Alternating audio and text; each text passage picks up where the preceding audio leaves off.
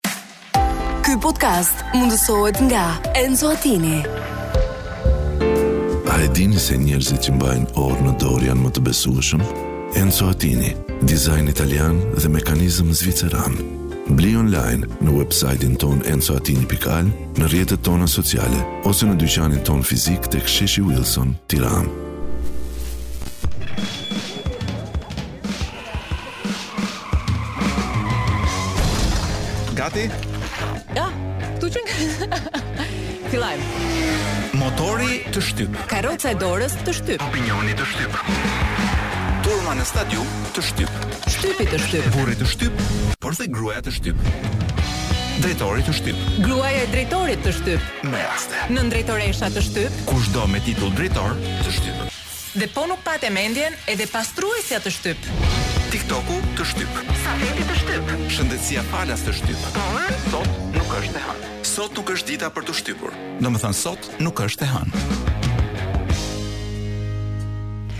Përshëndetje dhe mirëmbrëma të gjithë miqve që janë duke na ndjekur në këto momente. E nis me një lajm të jashtëzakonshëm. Sot programit Sot nuk është e hënë, i është shtuar një dëgjues tjetër dhe ai është Pikërisht, kolegu im Koloreto Cukali, i cili është në një makinë që po e sjell drejt radios, por që siç e dini për shkak të trafikut të rënduar të Tiranës në këtë orë ende nuk ka mbërritur. Kështu që deri sa ta kemi mes nesh, unë Blerina në mikrofon dhe Roi në pultin e transmetimit në regjinë qendrore siç më pëlqen ta quaj, do të jemi në shoqërinë tuaj dhe unë dua t'ju falenderoj paraprakisht për uh, durimin që do të keni deri në orën 20 që do të jemi bashkë.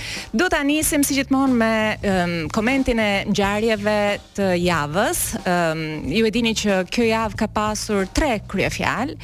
Um, ka pasur um, lajme të shumta mbi testin e PISA-s dhe le të themi rezultatet e ulta që ka pasur në përgjithësi rajoni um, në cilin ndodhemi, por veçanërisht Shqipëria. Një tjetër lajm i jashtëzakonshëm dhe që ka bërë shumë zhurmë ka qenë ai i kongresit të PS-së dhe pastaj arrestime, arrestime, arrestime, por nuk do të flasim për asgjë nga këto sepse kanë pasur vëmendjen e vazhdueshme dhe um, të shumtë nga um, portale, lajme të ndryshme, studio televizive, ne do të mundohemi të nxjerrim në sipërfaqe ato lajme që nuk kanë pasur vëmendjen e duhur. Do ta nisim si fillim ama me një këngë me pak muzikë, ë për të vijuar vetëm më pas me shqyrtimin dhe ë vajtjen në detaje të këtyre lajmeve për të cilat po flisja. Dhe jemi përsëri së bashku tashmë për të hyrë pikërisht në zemër të atyre ngjarjeve me rëndësi pak më të vogël ose që të paktën siç thashë më parë nuk kanë marrë vëmendjen e duhur nga nga portalet e ndryshme, kështu diku me shkronja shumë të vogla lexova, nuk e di sa në dijeni je ti Roi, që ne kemi ende gjallë bibliotekën kombëtare. E di ti? E di, e di. Bravo Roi. Unë e zbulova vetëm uh, falë uh, Albert Kamysë, si do thuash ti? Me rastin e njëqind e dhjetë vjetorit të lindjes së nobelistit francez, pikërisht Biblioteka Kombëtare ka ngritur dhe ka mbajtur një le të themi uh, ekspozitë për të rikujtuar veprën uh, e Albert Kamysë. Kështu që ndjehem thellësisht në të falënderoj këtë shkrimtar të jashtëzakonshëm që edhe nga jeta e përtejme vazhdon të na ndriçojë rrugën jo vetëm atë të dijes, por edhe atë për në bibliotekën kombëtare. Një tjetër lajm që m'u duk sikur nuk është vlerësuar dhe aq shumë, në të vërtetë m'u duk edhe pak si spekulim um, roi, por uh, po e them, më duket sikur Policia e Shtetit është duke u përgatitur për të sjellë një transmetues, pra një një kanal televiziv, të cilin do ta quajë TV Policia.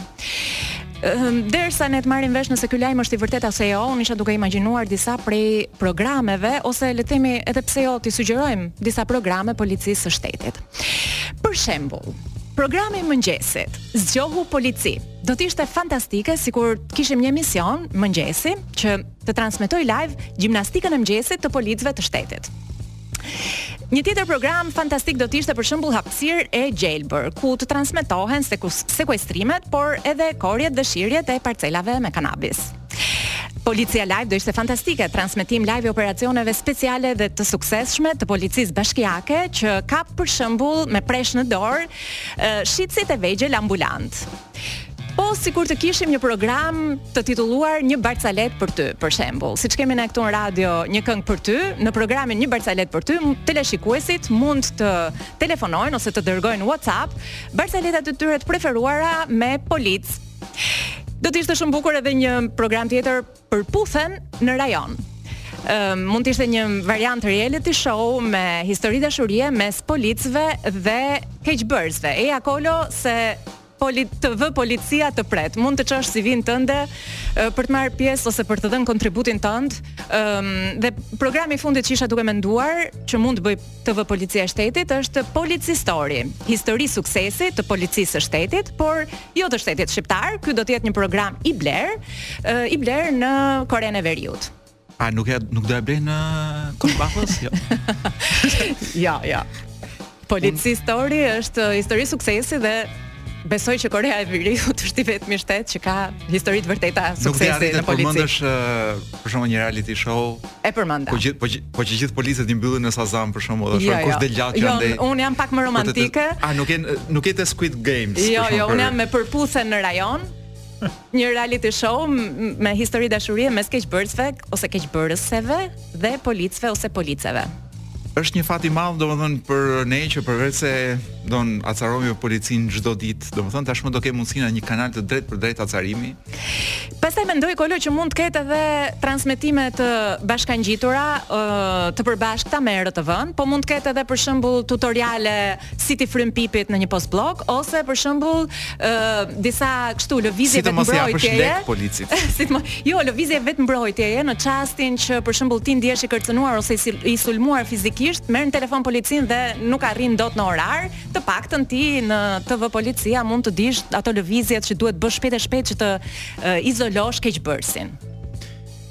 Ka ide pa fund, unë habitem se si jemi kaq vonë, domethënë me një me një televizion kaq të rëndësishëm për fatet e vendit që është një televizion për forcat e policisë së vendit.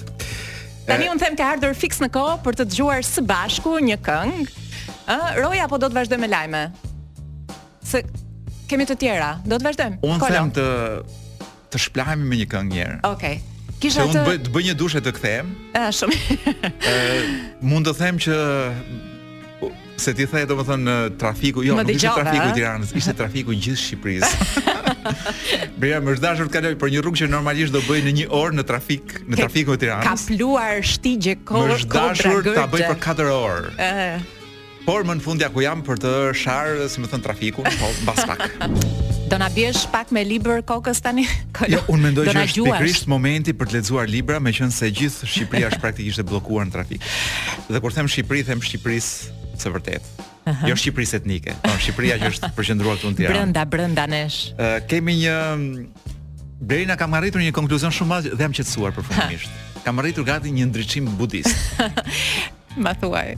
Nuk e di për Shqipërinë, por mund të them që trafiku nuk bëhet. Domethënë? Pra trafiku i Tiranës dhe po i gjithë Shqipërisë nuk do bëhet më. Pra le ta vëmë mendjen të qetë, të presim momentin kur të Po ne kemi dhënë gjithë ato lek. Kur të fillojmë të lëvizim me drone për të gjithë ato akse dhe segmente rrugore. Dhe do vazhdojmë të japim, po nuk është kjo çështja Blerina, por lekët tona. Por trafiku nuk bëhet. Uh -huh. Pra vetëm uh, imagjino një një qen që po ecte rrugëve të të Mirditës, Arriti më shpejt në Tiranë se sa unë. Po Kështu që nuk di të ç'të të them më shumë se sa kaq. Pra, dhe meqënëse trafiku nuk bëhet dhe meqënëse njerëzit janë duke shfryrë, duke u tensionuar, Le të duke gjetur relaksojmë fajtor pak. vërdallë, e, le t'ua shtojmë pak stresin duke u- duke u lexuar edhe libër ndër të tjera. Një libër të cilin unë ë, për arsye që edhe mund të mos kuptohen mirë, por nuk e kam fizikisht me vete. As kësaj radhe. As kësaj radhe. Ne do të vazhdojmë të shfletojmë nga Fernando Pessoa e dashur Blerina. Ëh. Uh -huh. Që është një shkrimtar shumë i dashur. Është për të mos thënë nga nga më të dashurit. Po. e e gadishullit iberik. Ëh. Uh -huh. Ë në varësi të minutazhit që do na japi Keni apo Miri. Roy, ë uh, unë mund të lexoj edhe dy tregime nga libri i Pessoas. ë uh, libri që nisëm dhe dhe Bankieri anarkist ja, apo jo? Javën javën e kaluar me titullin Bankieri anarkist. Botuar nga shtëpia botuese Pika pa sipërfaqe. Titulli i tregimit. Mm -hmm. Unë doktori. Mm -hmm. Sa më pëlqeka. e gjithë gjithë njohim një doktor në këtë vend. Puna është ta mbajmë sa më larg. Filloj leximin. Hyj një mbasdite në shitoren e këmishave ku shkoj zakonisht dhe vij vërda vërdall për të blerë një kollaro për vete. Shitsi, duke qenë se më njeh e duke më, e, duke mos pasur klient në atë moment, më përshëndet me hare. Mirdita zoti doktor. Nuk jam doktor, i them. dhe nuk jam me të vërtetë. përse mendoni që unë jam doktor? Ashtu kisha bindjen, pranoi ai me çiltërsi. Pyes për kollarot. Zgjedh njërën që më pëlqen shumë, paguaj. Në atë moment shitësi tjetër, i cili më njihte sikundër edhe i pari, i afrohet kolegut që po merrej me mua. Mirupafshim them duke, duke u drejtuar të dyve. Të dy ata me ton miqësor dhe të sinkronizuar përkulen para meje dhe njëzëri thonë. Mirupafshim zoti doktor. Zoti doktor dhe shumë faleminderit. Morali. A mbaroi. po, se të gjithë tregimet e këtij libri të Pessoas kanë nga një moral në fund. Aha. Morali. Aha. Kur na marrin për doktor, doktor duhet të jemi. Në jetën shoqërore ne jemi çka të tjerët mendojnë për ne dhe jo çka kujtojmë ne se jemi. Personaliteti ynë shoqëror për njerëzit e thjeshtë, për njerëzit historikë apo për ata të famshmit, është ideja që kemi për veten, e cila nuk ka asgjë tonën. Një burrë shteti i vetëdijshëm për këtë ka në dorë çelësin për të menduar, më fal, për të sunduar botën. Sigurisht mos mos ketë derën. Por kjo është çështje fati. Tani që më the këtë gjë, Po mendoj si është e mundur që unë ty nuk të kam thënë profesor. profesor Kolo. Uh, mund të më thuash edhe profesor. Profesor Kolo.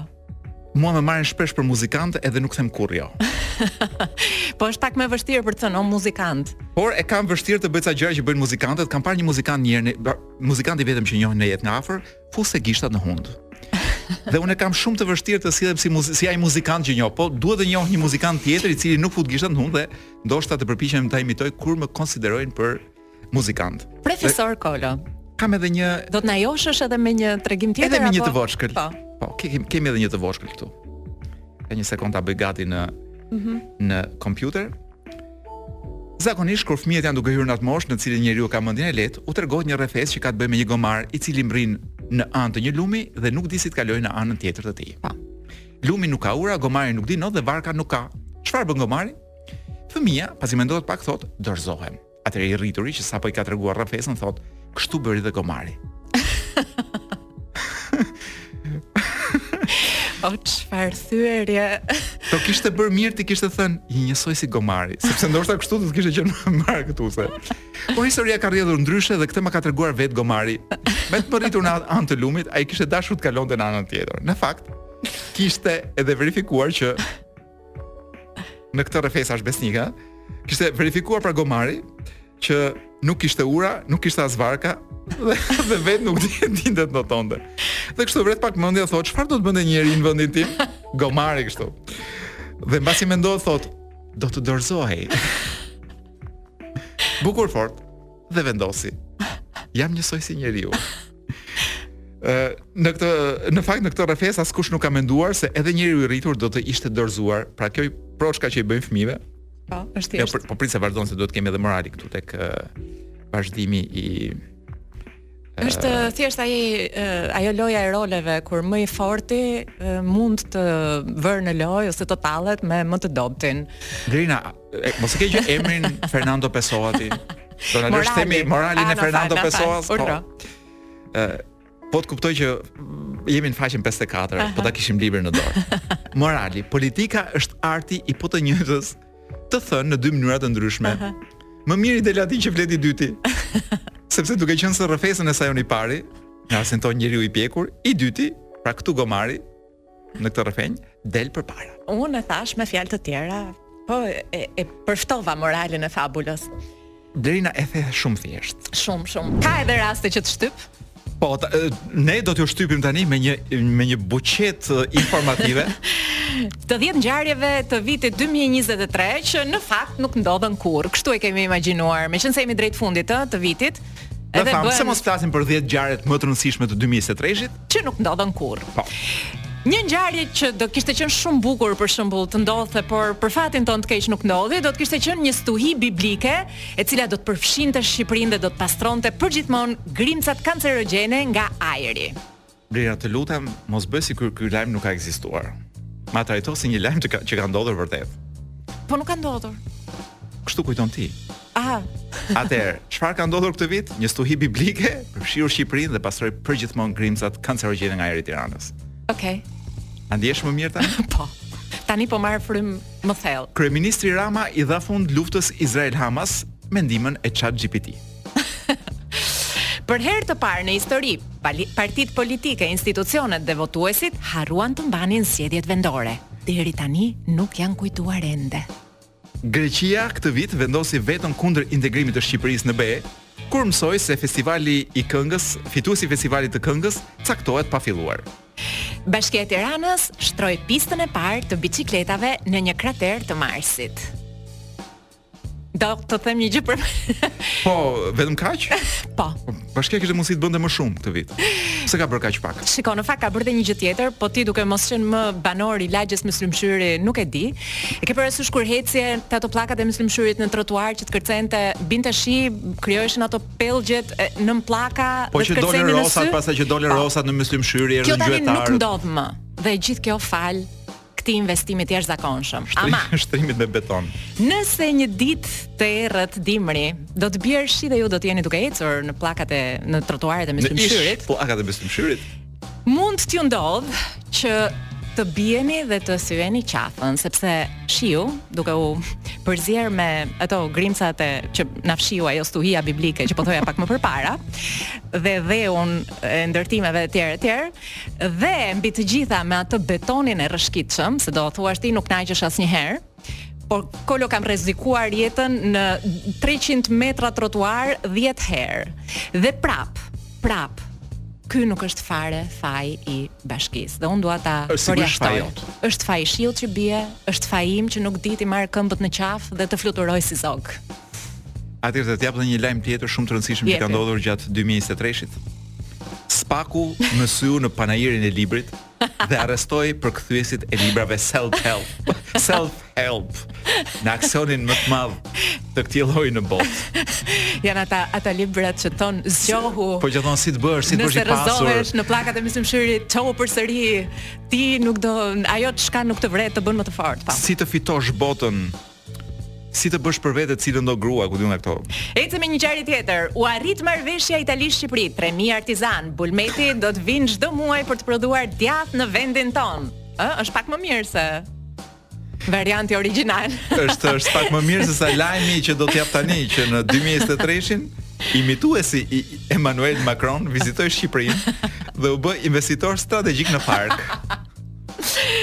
Po pastaj kemi një Skënder Gjinush të përlotur që jep dorëheqjen nga Akademia e Shkencave dhe largohet me helikopter drejt ishullit të Sazanit.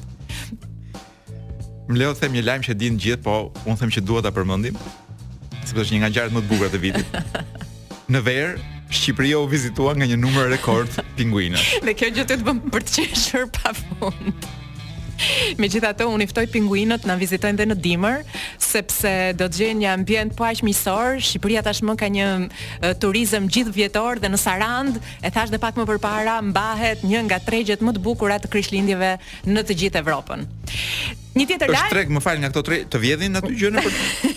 Se mua m' ka rastisur jashtë shtetit dy herë kam qenë, një herë më bënë të paguaja për një gotë që unë e mora kot domethënë duke ecur rrugëve dhe një herë tjetër më vodhën portofolin, pasaportën dhe ishte një vend shumë i pasur i Evropës. Kur e pashë këtë kur e pashë këtë lajm të renditur, pra shqip, Sarandën të renditur nga në këtë në këtë listën e vendeve qyteteve evropiane për të vizituar marketeve të Krishtlindjeve, mendova që ndoshta do të rikthehem edhe unë këtë fundvit në Sarandë dhe do të jetë si një herë e parë për mua, se nuk e kam parë asnjë pra, herë. Pra bëhet gjithë ajo përpjekje në bëhet gjithë ajo përpjekje në Tiranë për të bërë, ku di unë, për të ngritur kioska, tezga për të krijuar atmosferë. Po ja, Saranda. Korça gjithashtu befas na del. Saranda që ne nuk e dimë, unë desha të pyes dikë kush kush merr vesh këtu nga Nga çështjet juridike ndërkombëtare, jo kush merr vesh këtu në radio që ta pyes ore Saranda e Shqipërisë është akoma? Edhe për sa. Unë dija që ka kaluar me grekët me jo, kohë. Jo, jo. Dhe lajmi shumë i uh, më i fundit që unë kam në këtë listë dhe shumë i bukur është Zoti Lulzim Basha ndryshoi krahun e gjumit. dhe për ta mbyllur në 2023-shin opinionistët e emisioneve politike hynë në grevë për rritje page. Greva është në ditën e 88 tani që flasim. Bukur, do ta falënderojmë uh, Florencin, uh, kolegun tonë të mm, heshtur, por që nuk hesht aspak me penën e tij, edhe na sjell çdo javë. Gjithë one-liners, po. domethënë përjavshëm. Mirë. Ë uh, Florencin e falënderuam, ç'kishim për të sharë shamë, do ç'kishim helm për vrer, për, për të hedhur. Për të qeshur, qeshëm, qeshëm vetë. Ç'deshëm të gënjenim gënjyem, pra fake news sa të duash, pra gjithë gjërat e mira ndodhën. Bukur. Tani Pra ne kemi ardhur në momentin që po, shplarjes. Është kjo shplarja, është një këngë e Stingut mos gabohem ë, Blerina, Ku është Roy? Roy. por është një version i Stingut që unë s'e gjej dot dhe derisa të gjej atë do të dëgjoj versione të tjera të kësaj kënge, derisa të gjej atë që dua unë. Që është një si live që ka kënduar në një nga këto ku di unë. në Bangladesh apo di unë bukur si lokal bukur po po Ky podcast mundësohet nga Enzo Attini A e dini se njerëzit që mbajnë orë në dorë janë më të besueshëm Enzo Attini dizajn italian dhe mekanizëm zviceran Bli online në website-in tonë enzoatini.al në rrjetet tona sociale ose në dyqanin tonë fizik tek Sheshi Wilson, Tiranë. Sot nuk është e hënë. Vijojmë orën e dytë të transmetimit në këtë program. Mirë se erdhe Kolo. Çfarë të them Blerina, unë erdha një herë. Mjafton të thuash emrin që njerëzit të kuptojnë kush është në mikrofon. Ka, për kaq bëhet e gjithë kjo. Para një 50 minutash, por në qoftë se ti e ndjen për të më. Kjo skena bëhet vetëm për që unë të të them Kolo dhe ti të më thuash Blerina dhe Të gjithë e po. kuptojnë se kush do t'i bëjë shoqëri dhe për një orë tjetër dhe kë duhet të shajnë ose të Mirë, ti nuk shqetësohesh nga mënyra se si unë i përgjigjem. Absolutisht fare. Mënyra se si ti më përmend emrin. Patjetër. A mund të them ca lajme të mia nga vendi i dashur Të mia apo të mira?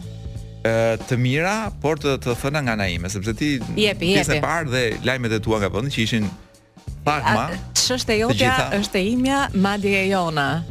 Për shembull, një lajm që nuk është shumë pozitiv, uh -huh. mund mendojnë disa, po unë e konsideroj pozitiv, se pavarësisht, është që është vjedhur shkolla mesme në Malësinë e Madhe, pa. Po. hajdutët kanë marrë pajisjet kompjuterike. Po. Këtu kemi disa lajme të mira, po uh -huh. të dimë t'i shohim. Lajmi i parë që ka shkollë të mesme. Lajmi i dytë është që Malësia e Madhe ekziston, pra nuk është një koncept gjeografik kështu të më të ndajër. Lajmi i tretë që ka kompjuter. Hajdut. Profesionist.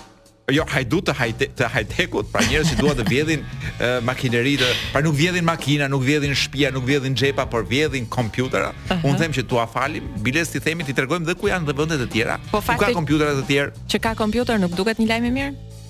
Unë mendova kur lexova titullin thashë paskan vjedhur bankat, stolat, nuk e di, jo, ato pllakat. Jo, kompjuter, do do do një kompjuter i ziu dhe nuk ka po, mundësi dhe ta shkon vetë. Pa, paskësh pasur kompjuter. Mund të jetë tani ne flasim dihet që flasim shumë me hamësime, po mund të ketë edhe dorë edhe kjo situata e PISA-s. Besoj që po. Dhe ata kanë vendosur që si me thënë kur kanë parë rënien e arsimit në Shqipëri. Një formë revolte. Një formë, kanë thënë po të marrim më kompjuter, të nxjerrim për shitje. Ç'i duan këta kompjutere, s'mësojnë që s'mësojnë. Mos vallë kanë dashur që të ndëshkojnë.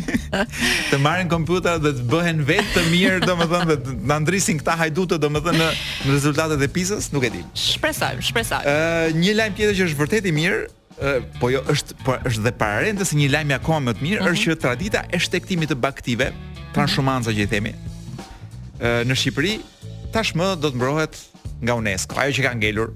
Po. Dhe pse është lajm shumë i mirë? Po. Sepse mbasi kemi mbrojtur shtegtimin e baktive, A ka më gjë që na ndalon për të mbrojtur dhe shtegtimin e me gomone të emigrantëve drejt Anglisë, ta quajmë pasuri kombëtare të mbrojtur nga UNESCO? Në UNESCO edhe atë. Dakord jam. Të them edhe Po, të lutem. Jo, kam edhe unë një lajm kështu, po pak më i dobët se këto. Paskemi mbetur Nuk ka lajme të dobta Blerina, ka vetëm interpretime të dobta. Jepi. Kolona paskan mbetur ullinjtë pa vjelë, sepse këtë vit paskemi Ullin të ullin. Po ato degë ulliri që mban në shtëpi e ka që e kanë vetë tharë vjel vazhdimisht Blerina.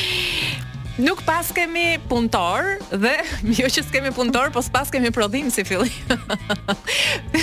dhe kështu që titullin na kanë mbetur ullinjtë pa vjelë, nuk di më si ta kuptoj.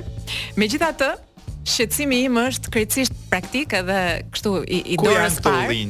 Jo, them me çfarë do ta ngjyejmë tani, domethënë. Atë bukën me vaj me kripë me vaj grek siç e kemi ngjyer gjithë këto vite. Dhe me hudhër turke, më fal, me hudhër kineze dhe do shplajmë me një lëng shege turk. Këtë gjë do bëjmë. Blerina, po. do flas tani për një shokun tënd. Pra është njëri një fotograf nga Zvicra. Unë shokët i zgjedh gjithmonë më të mirë se veten. Ah, këtë e ke zgjedhur, nuk e ke zgjedhur shumë mirë se ky është ky nuk është më nga Zvicra, është fotografi nga nga Kamza që herë mbas here shkon dhe jeton në Zvicër. Uh -huh. Është i fiksuar mbas Kamzës. Rikthehet gjithmonë aty. Ka diçka që më bën bashkë me këtë, është e vërtetë. A ka aty diçka kur kalon te kthesa e Kamzës? Ua, vdes për ato rrugët. A të a të kap një gjë jo, thotë rri këtu. Mos ik më anë. Unë jam në autostradë dhe fap më merr ana. Dhe në vend që të vazhdoj drejt, marr për nga kthesa e Kamzës. Ë, po një tjetër shok i joti po. është këtë radhë një turist gjerman. Po me këtë fotografin ka lidhje? Jo, janë dy të ndryshëm. Pra që kam dy shokë të mi që nuk i flasin njëri tjetrin. Ekzakt, ndoshta nuk janë njohur, por unë shpresoj që të ketë ndonjë mundësi që në një rajon ose një rajon policie, uh -huh. ose në një spital, uh -huh. sepse bëjnë të dy bëjnë veprime që nuk dihet ç'të gjen. Për shembull, Kamëz vetëm shkon bën foto ti domethënë. Unë mbaj mend deri nëse më lejon të bëjmë një çik muhabet po, po, kafe, domethënë ti zëre sikur s'jemi në radio. Po. Kemi bërë dikur një promovim filmi. Aha. Mund të ketë një 10 vjet në Kamëz. Po mos i bëra ti reklamë filmi Femrat reklamë domethënë tash mbas 10 vjetësh nuk po them që është filmi Femrat. Ë dhe ne ngjisnim posterat, uh -huh. se ngjisnim shumë me duar, domethënë. Ata vinin të votonin. vinin i grisnin mbas nesh, por rrinte don rrinte 20 ah. metra ngjitur mbas nesh, ngjisnim ne vinte ai Kamzaliu dhe e griste. Ky është imazhi që kam humbur Kamzën, por ë uh, nuk e di pse fotografi nga Zvicra ë uh, ore mase po kërkon dhe nuse. Edhe bën si interesant, si artist. E, po po të flisja për një shok tjetër, po? turistin gjerman. Po. Që ka humbur rrugën në terrenin e vështirë në Dajt. E ka shpëtuar policia. Ku është lajmi do thuash ti këtu. Mua ky më ngjan më shumë me një spiun të dërguar që në Dajt kërkon diçka tjetër. Po çfarë mund të kërkojë përveç uh, Po ca fshatra turistik që ka aty vërdall. Mos po kërkon tartuf? Do na vjedhin tartufin poshtë. Brina, un un u gëzova një herë. Po, u gëzova kur mora vesh që në Dajt paska akoma terren të vështirë. Fundi që ka vetëm beton. Kan mbetur dhe ca pëllëmbë dhe. Çdo çfarë është dhe, çfarë nuk është beton e quajnë terren të vështirë në Dajt. Po. Kështu. Çfarë të themi? Kemi edhe një gjë tjetër të vogël, po. Kam një, um, kam një lajm të mirë për ty madje Kolo, sepse uh, ministrja Balluku ka thënë që uh, brenda vitit 2024 transporti i pakove postare do të bëhet me dron.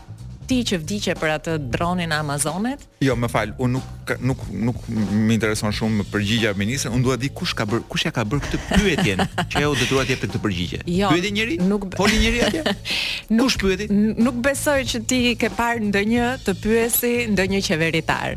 Domethënë ku e ke parë këtë shembullin? Ku e ke marr këtë A flasin nga vetja këta? Po sigurisht. Ah. Por. Mendova që dikush i thotë, "Ç'do bëni me këto posta tona thotë." Do ta zgjidhim jo, jo. problemin tuaj qytetar. Jo, jo. A janë probleme që këta i mendojnë sikur janë probleme? Exactly. Dhe i zgjidhin në mënyrën më të mirë të mundshme. A mund të jap këtë un kam një lajm nga vendi. Vetëm pak sekonda ke jepi. Ah, çmazur një lajm. A mund ta them shpejt e shpejt? Një lajm tjetër nga vendi, Kim Jong Un ka qarë para grave të Koresë Veriut dhe kërkon të bëjnë më shumë fëmijë. Një lëvizje që as kryeministri Rama nuk e bën dot, sepse nuk i ka shkuar në mendje më përpara. po tani. Po ky është një mund të marrë nxitje. Bukur. Duartrokitje. Kjo ishte Gala i përdor të dy mbiemrat e babit kjo, Aliaj Dragot apo jo, Aliajn e kanë hequr? Jo, është Gala. A nuk është Gala Dragot? Jo, as Gala Aliaj Dragot, është Gala. Dhe kjo ishte një Sepse po prisa të quhej Gala Robert Aliaj Dragot, domethënë, por bravo i qoftë Berti që bravo qoftë Berti që nuk, si më thon, nuk do ta njollosi të ardhmen e bijës me emrin e vet. Dhe me personalitetin e vet të spikatur. Ishte një remake shumë i bukur në fakt dhe po na duket si i shkurtër, po është ai rasti kur gjërat e bukura zgjasin pak. Do ecim tani me një gjë tjetër shumë të bukur. Kjo do zgjasi shumë. Edhe pse mund të duket gjë e bukur, prap do zgjasi shumë. Uh -huh. Pra nuk është nga ato gjërat e bukura nëse duket e bukur që do zgjasi pak është fjalori i gjuhës sotme shqipe. Jemi tek i gjuhës së djeshme shqipe. Gërma b. Jemi te bëja ti ma ke zën, si ma ke zën atë. Jo, s'kemi arritur akoma ke Ke B I L ja. Ke fjalët që fillojnë me bil. Ë jemi tek akoma tek vazhdimi i baballëqeve. Ë sepse nuk arritëm për çështje kohë ta mbarojmë listën e fjalëve që ja ja po pra janë fjalë fjalëformime të babës. kam këtu për shembull Babilin.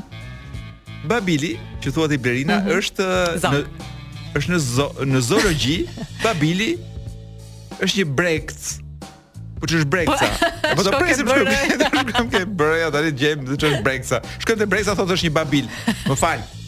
Po ne që s'njohim as njërin as tjetrin. Do presim të dalë fjalori i sotëm i gjuhës shqipe i pasuruar me 70000 fjalë të tjera. Unë shpresoj shumë që Babili alias Brekca, alias Dragon Brekca. Dhe jo mos më përqesh se është shumë serioze puna fjalorit.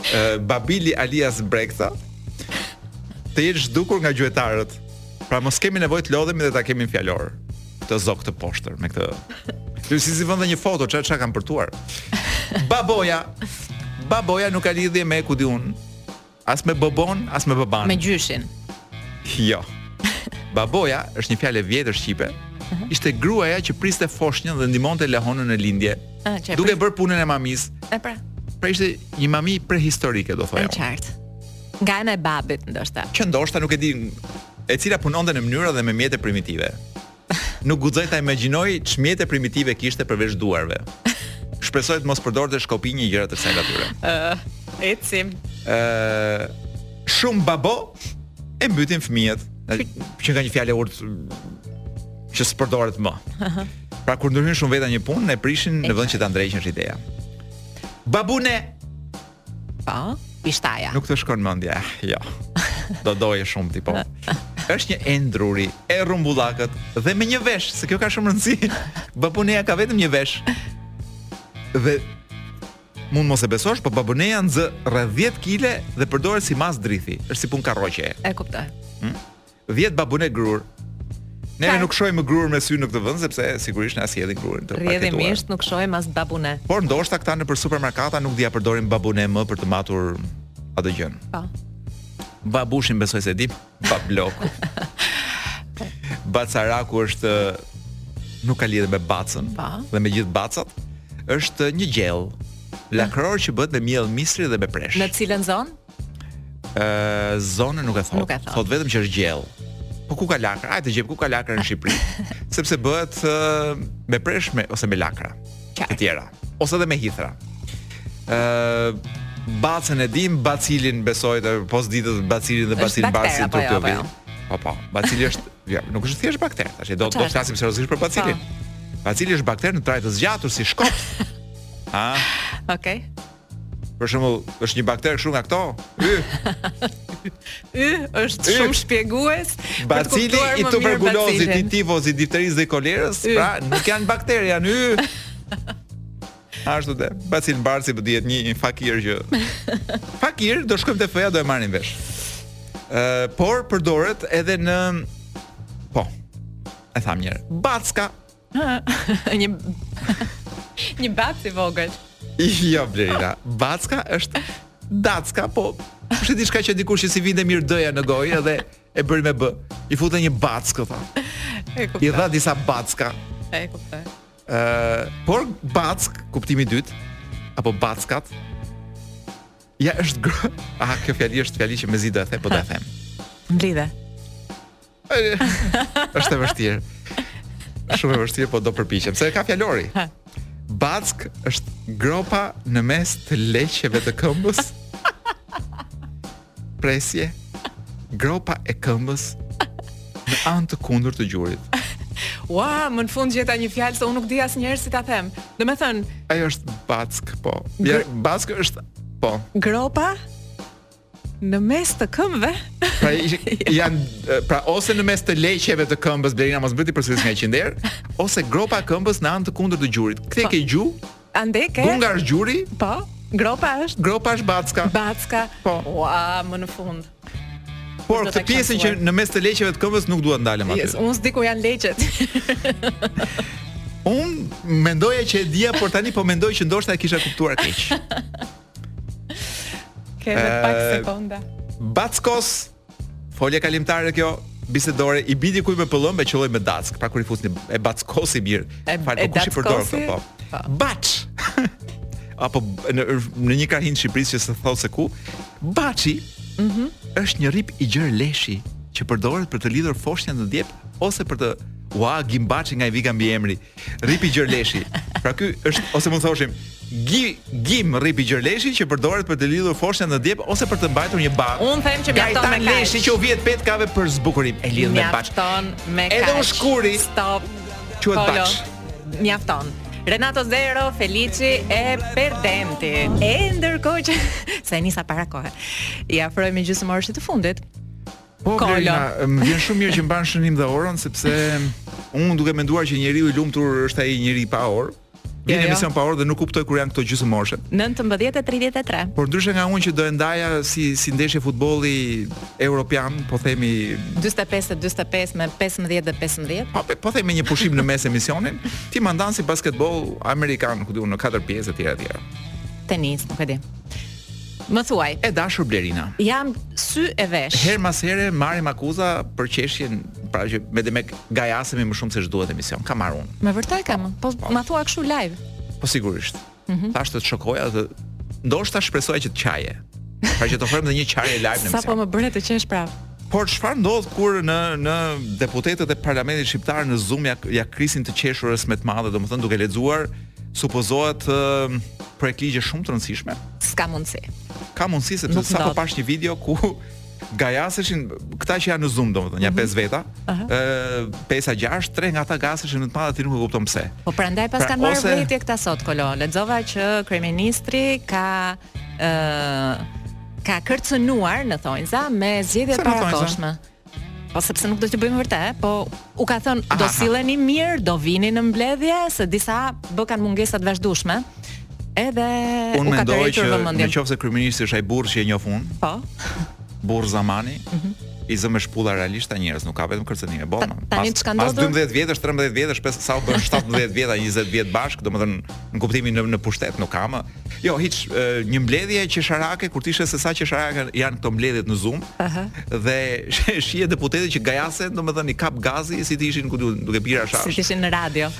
Ose si të ishin ca të papërgjegjshëm në radio. Dëgjo, pse nuk e vë atë që të ka thënë ty që të mos qeshim shumë t'u flas një herë atyre se mbase Do përpiqem t'i lidh. Vete? Do këtij personi që m'u ankua mua A, ah, do ta lidh me YouTube-in ku gjendet videoja. Dhe pyetja e dytë. E hedhur nga Balkan Web. Përse sot në një botë Covid free njerëzit ende takohen në Zoom? Këta që janë në të njëjtën parti sidomos dhe që mund të shkojnë në mëngjes në orën 8, siç shkojmë ne, ose të takoheshin në një vend tjetër gjithë bashkë për shembull, ta, po. ta regjistronin atë mbledhjen. Pra mos shkonin në kuvend, të shkonin diku tjetër. Ja. E ashtu kanë ca halle të brendshme, kanë frikë se u u vën fishekzjarrë. Mirë, do të thuash një gjë serioze tani? Patjetër. Sipas një studimi. ah. S'e prisja kaq shpejt.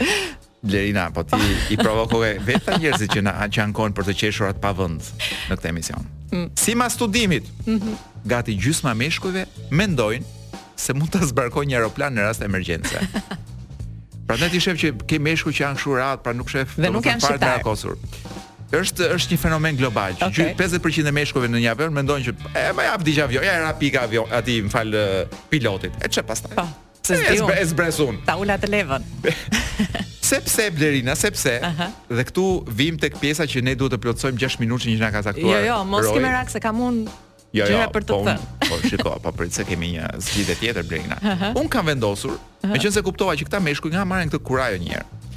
Dhe kuptova që këtë kurajo, kjo kurajo vjen nga filmat. Kam parë shumë filma me me avion me me incidente që ndodhin në ajër. Po, me Tom Cruise. me ku di unë. Mission Impossible. Dhe unë kam nxjerrë listën e 100 filmave më të oh. mirë me aksidente ajrore në avion. Dhe unë kam plan t'i lexoj të gjithë. Kemi kohë po jo. jo aq, tre. Numri 1, Air Force One i 97-s eh. me Harrison Ford. Pa, po, ku ka radikal komunist. Të gjithë nuk janë filma shqiptarë Blerina. Prandaj kemi këtë kurajo ne kur e bën kur e bën Harrison Ford. E çka ka që mos e bëj unë? E të tjerë të tjerë. Po të dojë po të dojë njeri listën, jam ja. gati t'ua nis. Do të jap unë një listë, është pak më uh, e re, edhe më le të themi e kohës. Meqense jemi në fund të vitit, e di që bëhen gjithë këto listat, personazhi i vitit e tjerë e tjerë. Google ndërkohë ka 25 vjetorin e krijimit ose të hedhjes në uh, hapësirë. Kështu që ka vendosur të publikojë uh, disa prej uh, gjërave më të kërkuara, fjalëve më të kërkuara në këto në vitin 2023. Dhe rezulton Kolo që nëse ke kërkuar Beatles, ke kërkuar ti dhe e gjithë bota për bendin rock më të mirë të të gjitha kohërave. Domethënë është shumë keq që kam kontribuar dhe unë në këtë në këtë rezultat. Po po ta dija domethënë që se kërkova dy herë Beatles unë dhe doli aty. Jo, Gjithë bota ka kërkuar për 2023-shin, ti e di që ka pasur edhe një rikthim shumë të shumë serioz. A ti nuk mendon se është vendosur me 2-3 vota, domethënë. Jo, nuk besoj. Ë, ndërkohë, fituesja e Grammy, e çmimit Grammy më e klikuar është Beyoncé. Ëm, këng, këng, si thonë, Kantautorja. Kantautorja. Faleminderit. Kantautori. Kantautorja Taylor Swift. Po ne mund ta themi edhe këngëtori ose këngëtorja. Do të vim te ikona e stilit që është përsëri Rihanna dhe unë nuk e dija që ishte kaq e klikuar Rihanna edhe si um, këngëtare fituese e çmimeve Grammy edhe si si stiliste ose si trendsetter. Ndërkohë më pëlqeu shumë që artisti i më i kërkuari i 2023-shit, por rrjedhimisht i të gjitha epokave është Leonardo da Vinci. Imagjino. Mos më thuaj. Imagjino. Nuk është Anel Sala, jo. Jo. Dhe vepra e artit. S'është ai tjetri që s'ia themi dot emrin, po unë prisja që të ishte ai tjetri, po s'qenka. Jo, jo. Ja këtu mund të ishte ai, po prapë s'është. Sa ka gjetur anën? Vepra e artit. Të takoj shefin e Google-it, t'i thotë ç'është kjo? Ç'janë këto rezultate këtu? Dini ju të nxirrni rezultate të vërteta votimesh apo jo? Mona Lisa. Brenda 5 sekonda, 10 sekonda. Mona Lisa e thashë, vepra e artit më e kërkuar e vitit 2023, por siç thashë edhe të gjitha kohërave, sporti më i kërkuar është uh, futbolli dhe atleti ose le të themi uh, sportisti më i kërkuar është Cristiano Ronaldo. Dhe në orën 19:47 për kënaqësinë e Kolos, na bashkohet në studio Albana Ruçi, mirë se erdhe. Bana. Ç'është ky prezantim që është dinjitoz Blerina të lutem. Albana mirë se erdhe. I dashur Kolo, në momentin kur ne duam të diskutojmë diçka shumë të rëndësishme. Do ma lësh mua? Unë jo. kam diçka të rëndësishme, po ti mund të kesh diçka jo. edhe më të rëndësishme. Jo, jo, thuaj ti. Ç'mendim ke për hudhrën kineze, Albana? Dhe a e di ti që ne hamë hudhër kineze në këtë vend? Ku është hudhra kineze? Ku gjendet? në çdo supermarket, mini market, market, Pse jo market dhe as supermarket, apo e ke fjalën për markatën. Supermarketi thoni ju që dini anglisht. Mendoj që do të devijojë, nuk do të japë mendimin e saj. Pra nuk do të flasësh për hudhrën, për marrëdhënien që kemi me hudhrën. Unë vdes për qepë. si fillim. Por nga ana tjetër, hudhrat i urrej nëse ka ngrënë dikush, e kam një po, problem shumë të theksuar. Vdes t'i ha vetë, por sigurisht nëse dy ditët e ardhshme do premtonte izolim total nga qenia njerëzore, se A mund të jap një këshillë që Kam edhe hudhrën ta shijosh? Ta ha pa kafshim. Po edhe qenien njerëzore të mos e vrasësh. Ta ha pa kafshim? Jo. Ta gëlltisësh. Po pra, mos ta përtyp. Po. Unë mendoj që ti mund të më bën punë. Shkosh, mund të dalësh mm -hmm. me një kokë hudhre në dorë dhe sa herë të takosh dikë, t'i fusësh një thelb në gojë, kështu që në atë pikë të dy do mbani era hudhër dhe nuk do vuaj as ai nga ty as ti nga ai. Pse kolo, unë jam shumë e lumtur që ne jemi emancipuar pak në përdorimin e hudhrës, jo aq shqeto. Se imagjino për shembull në një urban, një person që ka ngrënë hudhër. Jo, unë mendoj që problemi në atë urban janë ata që nuk kanë ngrënë hudhër. Edhe unë ashtu mendoj. Ua larg qoftë atë çfarë. Albana, a e di ti që testi i vërtetë i dashurisë, jo jo, testi i vërtetë i dashurisë është ta duash njeriun që ka ngrënë hudhër. Ta duash në atë moment. Jo, jo, ta duash edhe kur ka ngrënë hudhër. Pak vështirë. A nuk e nuk e pasur kurajë deri tani ta bësh këtë test. Ta ta bëj un, ta ha po. un, më doj tjetri. Jo, ta jo, jo, do un do urroj po, vetë. Po, më doj tjetri, do të thotë. Sikur u përballej me me Mos më dashshin nëse kam ngrënë hudhra. Këta të rinjtë sotëm Dëshmitarja për juve zonja Vlerina, un mbarova punë me dëshmitaren. Kaq kisha për hudhër. Faleminderit. Jo, meqenëse kemi vetëm 30 sekonda kohë dhe meqenëse me Albanën në pas do të jeni për 2 orë, mm, do të na japësh një një sneak peek, një sneak peek, një assaggino. Oh. Një shije të shpejt të asaj që do të trajtosh për 2 orë në vazhdim. Në 2 orë në vazhdim kthehemi në Lanço, se kemi bërë disa mungesa dhe madje 3 ditë në vijim do të jemi live from Tirana, kështu që sonte flasim për muzikë, për muzikë të mirë, për artistë. Ej, Një gjë shumë pozitive po ndodh me artistë ndërkombëtar, tani Kanye West seç na ka treguar një shqiponja atje te. E moj Mariana, Mariana. Çfarë oh, pas uh, Drake? Uh, ka dal Kanye. Janë jan dy personazhe të ndryshëm mm. ta harrova. Okej, okay, mirë, ikim në kolos se jo, u bëm pak të vjetër pa pritur. Jo, me këtë grupin turk më thonë. Ëh. Uh -huh. Albanën. Gyleri. Oh, Roy, meqense ti di turqisht, çfarë thotë ky? Roj? Um, Kur as Roj s'e kupton gylerin incident? Lule, apo jo? Ajde, mbeli plaçkat. Ky podcast u mundësua nga Enzo Attini. A e dini se njerëzit që mbajnë orë në dorë janë më të besueshëm? Enzo Attini, dizajn italian dhe mekanizëm zviceran. Bli online në website-in tonë enzoatini.al në rrjetet tona sociale ose në dyqanin tonë fizik tek Sheshi Wilson, Tiranë.